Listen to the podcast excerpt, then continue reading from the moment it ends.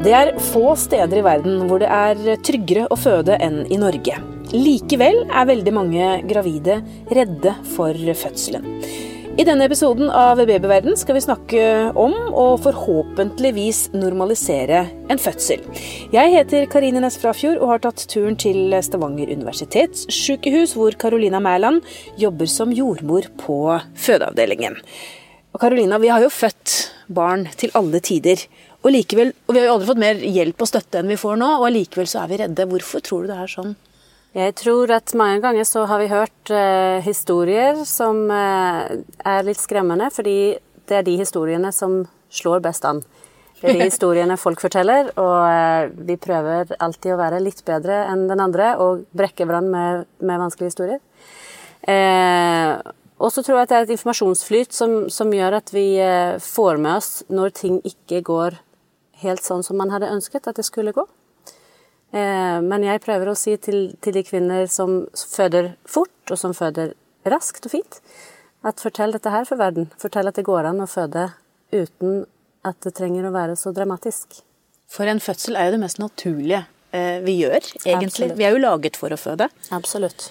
Men hvorfor Men allikevel, bare for å forklare litt hvor trygt det er å føde. Eh, og da må vi snu på det. Hvor ofte går det galt? Eh, ja, det var et godt spørsmål. Det, eh, det kommer litt an på hva man tenker med at det går galt. Men det er klart, det er ganger hvor vi trenger å hjelpe til. Hvis vi ser på slutten av en fødsel at barnet ikke har det så bra som vi ønsker at han skal ha, så er vi heller føre var og hjelpe til med enten en sugeklokke på barnets hode og hjelpe til å dra barnet litt raskere ut enn det mor klarer å trykke barnet ut, eller et keisersnitt hvis det trengs.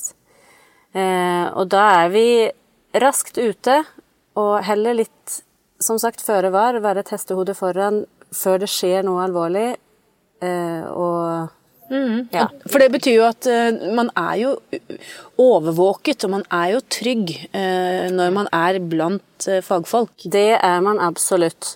Og vi selekterer kvinnene, vi deler kvinner inn i ulike grupper. Kvinner som ikke har noen risikofaktor i utgangspunktet. Hvis de har født før, ikke har noen risiko fra tidligere fødsel, og heller ikke har noen risikofaktorer i dette svangerskapet.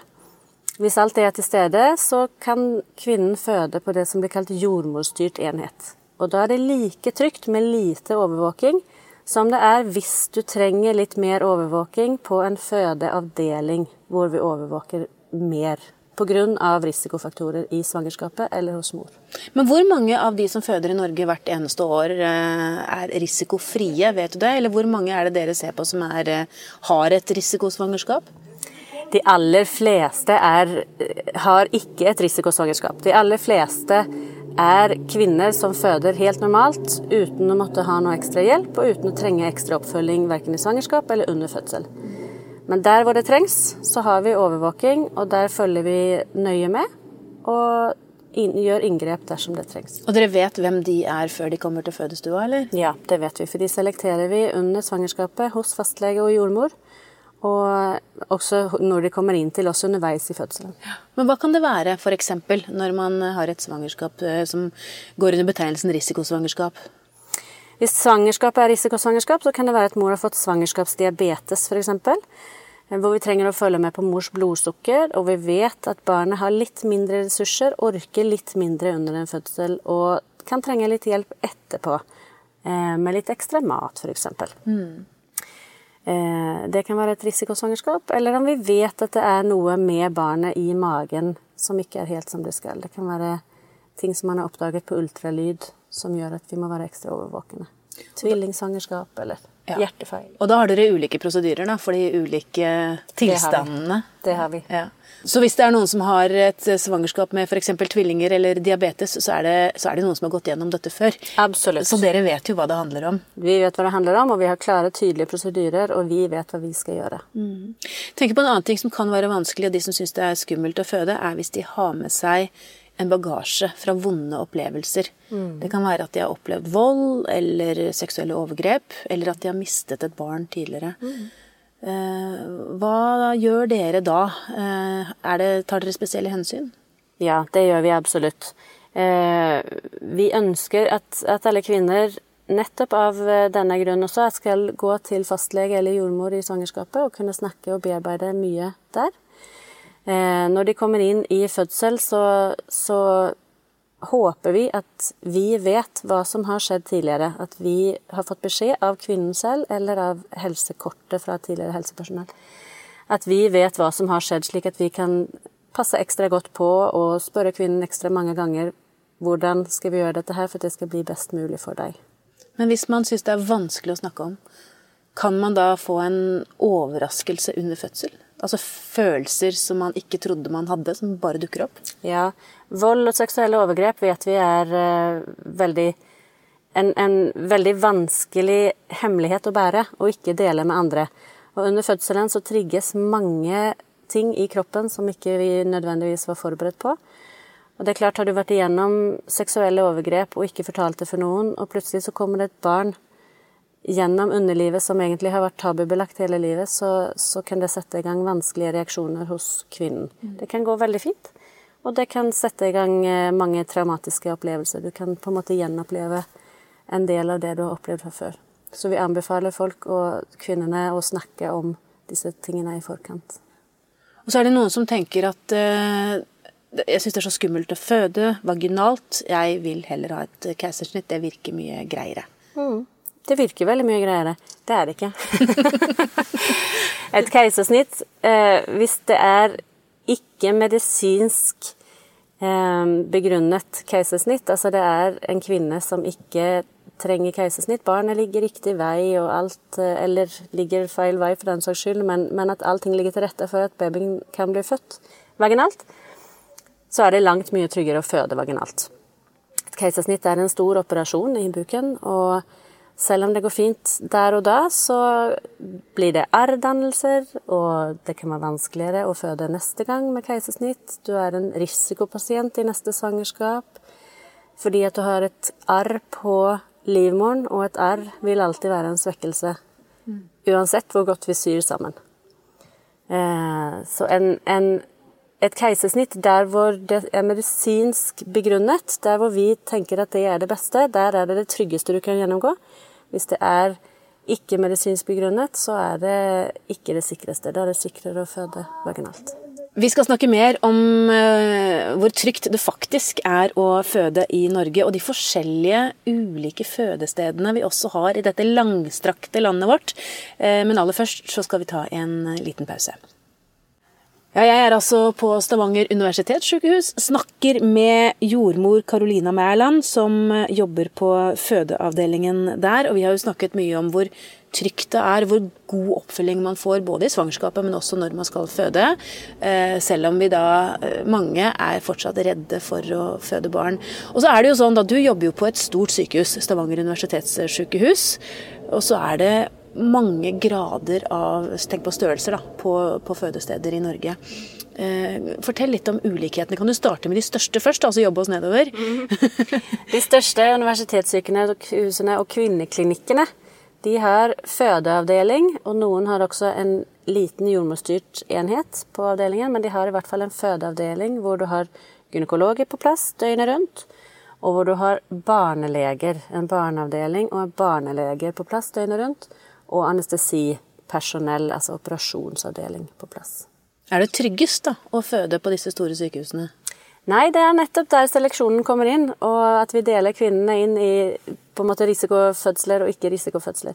Er du ikke selektert som, som ikke-risiko, så er det like trygt å føde på en jordmorstyrt enhet som har bare jordmødre, og som har gynekologer som på nattestid sover hjemme. Ikke barneavdeling og ikke anestesiavdeling. Så hvis man bor på et mindre tettsted, og har et lite lokalsykehus, så trenger man ikke være bekymra for det? Nei. For dersom det er nødvendig, så blir det overflyttet til et større sykehus i løpet av svangerskapet. Da skal du på et større sykehus. Så hører vi om disse jordmorstuene også, for det finnes vel enda mindre enheter også, gjør det ikke det? Ja, det er på en måte de hvor, eh, hvor gynekologen sover hjemme, hvor det er jordmor som styrer, og ikke, der skal det ikke være veldig premature barn, det skal ikke være tvillinger, ikke eh, for høy BMI hos kvinnen, ikke setefødsel, altså hodet skal ligge først. Mm. Og den slags. Ikke noe tidligere komplikasjoner under fødsel. Så er det noen som ikke har lyst til å føde på sykehus i det hele tatt. De har lyst til å føde hjemme. Hva tenker du om det? Jeg tenker at det er veldig, veldig trygt og veldig flott for de som er blitt selektert til å kunne føde hjemme.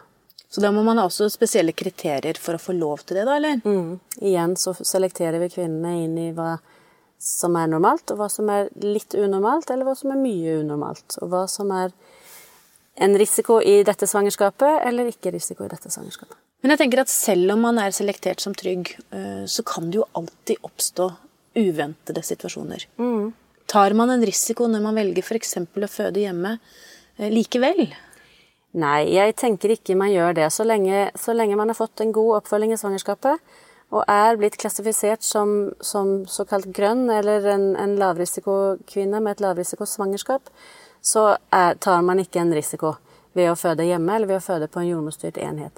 Man blir overflyttet til et større sykehus dersom det er nødvendig. Og den, den uh, vurderingen skal jordmor ta hjemme eller på den jordmorstyrte enheten. Ja, Så det blir en løpende vurdering, egentlig, av situasjonen. Så det betyr jo egentlig at man har veldig mange valg også, som fødende kvinne i Norge. Ja. Eh, Man, man kan velge å føde hjemme, eller man kan velge å føde på et uh, større eller kanskje også mindre sykehus, hvis det er tilgjengelig. Og så er det de som ikke kan velge det hele tatt. Vi leser jo i, i avisene sånn med jevne mellomrom om noen som har født i en ambulanse, eller de har født i forsetet i bilen til partneren, eller i en busslomme, eller hva som helst. Uh, Hvor vanlig er det å på en måte ikke rekke fram? Heldigvis ikke så veldig vanlig, men det er klart at det skjer. Og særlig på de mindre plassene med lang, lange reiseveier, så er det klart at det skjer. Eh, hvis vi på eh, særlig de større sykehusene, men, men også de mindre dersom det er kapasitet, får telefon fra ambulansen om at nå har vi en kvinne som vi tror kommer føde, så vurderer vi situasjonen ut ifra at dette her kommer ikke hun til å rekke, hun kommer ikke til å rekke inn til sykehuset. Så blir vi med ut i ambulansen eller helikopteret eller båten, der som er, eh, og eventuelt forløse på plass. Noen ganger så forløser vi på plass, noen ganger har kvinnen født allerede, og noen ganger så rekker hun inn til sykehuset. Men, og de historiene jeg har hørt, så, så er det jo smilende foreldre, og det har stort sett gått greit likevel. Ja, for der hvor det går veldig fort, der går det også som regel veldig greit. Ja. Der er det spreke barn og spreke mødre og Så egentlig, altså for å avdramatisere, så, så virker det jo som om sånn generelt sett over hele linja, så, så er det ikke farlig. Vi vet jo alle at det er vondt, men, men det er ikke farlig å føde. Nei, det er trygt å føde i Norge. En ting vi ikke har snakket om, og du nevnte det, eh, det er jo disse barna som ligger i eh, Som ikke kommer som de skal med hodet først. F.eks. de som sitter i seteleie, eller som er tverrleie. Eh, Da skjønner jeg jo at de er i en risikogruppe, men likevel. Det å føde barn med rumpa først, da, f.eks., er det farlig? Nei, det òg, så lenge kvinnen enten har født et, et normalstort barn over tre kilo tidligere, eller også så måler man bekkenstørrelsen hvis ikke hun har født barn tidligere. Og så lenge man ser at hun har gode nok bekkenmål, som vi kaller det, eh, så er det trygt også det å føde i sete. Men da trenger du mer overvåking, og da er det en legefødsel. Da er det jordmor med hele veien, men det er legen som tar imot barnet. Men det alltid skal gå greit allikevel? Absolutt. Tverrleie kan vi ikke forløse. Det er et keisersnitt. Men en setefødsel har vi, har vi veldig god erfaring med på mange sykehus på Stavanger framfor alt. Selvfølgelig. Du, alt det du sier virker så trygt og godt og naturlig og greit. Allikevel så vet vi at det er mange som syns det er både skummelt og ja, de er redde for å føde, rett og slett. Forstår du frykten? Ja, jeg kan forstå den på mange måter, fordi du går inn til noen ting som ikke du, du Du går inn i noe ukjent, noe du aldri var borti før. Du har hørt historier, enten vonde eller gode, men, men du forstår ikke helt hva det innebærer. Du vet ikke hva smerten vil innebære. Eh, du vet ikke hvem det er som kommer ut. Kanskje ikke har klart å knytte helt an til barnet, men, men har vært mer knytta til den redselen eller skremselspropagandaen du har hørt, eller den frykten som du har i deg selv. Eh, og så blir du, blir du redd istedenfor å tenke at som regel går det fint. Nå hører vi liksom helikoptrene surrer over sykehuset her. Eh, Og det er jo også noe med, med å være på et sykehus og føde barn, for man er jo ikke syk heller. Nei, man er ikke det. Og derfor så er det, derfor så er det trygt å være andre plasser også og føde barn, og ikke bare på sykehus. Når du møter, sånn for å avslutte, når du møter kvinner som er engstelige, hva er de beste rådene du gir som jordmor? Jeg pleier å, å, spørre kvinnen hva hun ønsker selv. Vil du ha mye informasjon? Vil du ha lite informasjon? Hva ønsker du? Har du noen tanke om fødestilling? Noen tanker om hva du ønsker i forkant av fødselen? Badekar, eller stå mye opp, eller ligge mye i sengen, eller Har du lyst til at partneren skal være inne hele tiden, eller ikke? Har du partner? Har du ikke partner? Vil at jeg skal være mye på stua? Og så prøve å, å forklare det man gjør, og forklare hvorfor man gjør det. Det pleier å trygge. Det var gode råd. Takk skal du ha, Carolina Mæland, som er eh, jordmor på Stavanger universitetssykehus. Hvis du lurer på mer om dette temaet, finner du mange artikler på babyverden.no og diskusjoner med andre i Babyverdens forum. Hvis du ikke allerede har lastet ned appen vår, Gravid og barn, så anbefaler jeg deg å gjøre det med en gang, så kan du følge utviklingen til barnet ditt dag for dag og uke for uke. Siden du er opptatt av graviditet og barn, kan det også være lurt å abonnere på Babyverdens podkast, så får du nye episoder automatisk hver uke. Det er også vi som lager podkastserien Gravid uke for uke. Den bør du også få med deg hvis du har barn i magen. Har du kommentarer eller et tema du ønsker at vi skal belyse, så kan du sende en e-post til podkast at babyverden.no. Men husk at vi som lager denne podkasten er journalister og ikke helsepersonell. Så hvis du har medisinske spørsmål, må du ta kontakt med jordmor eller fastlegen din. Ha det godt til vi høres igjen.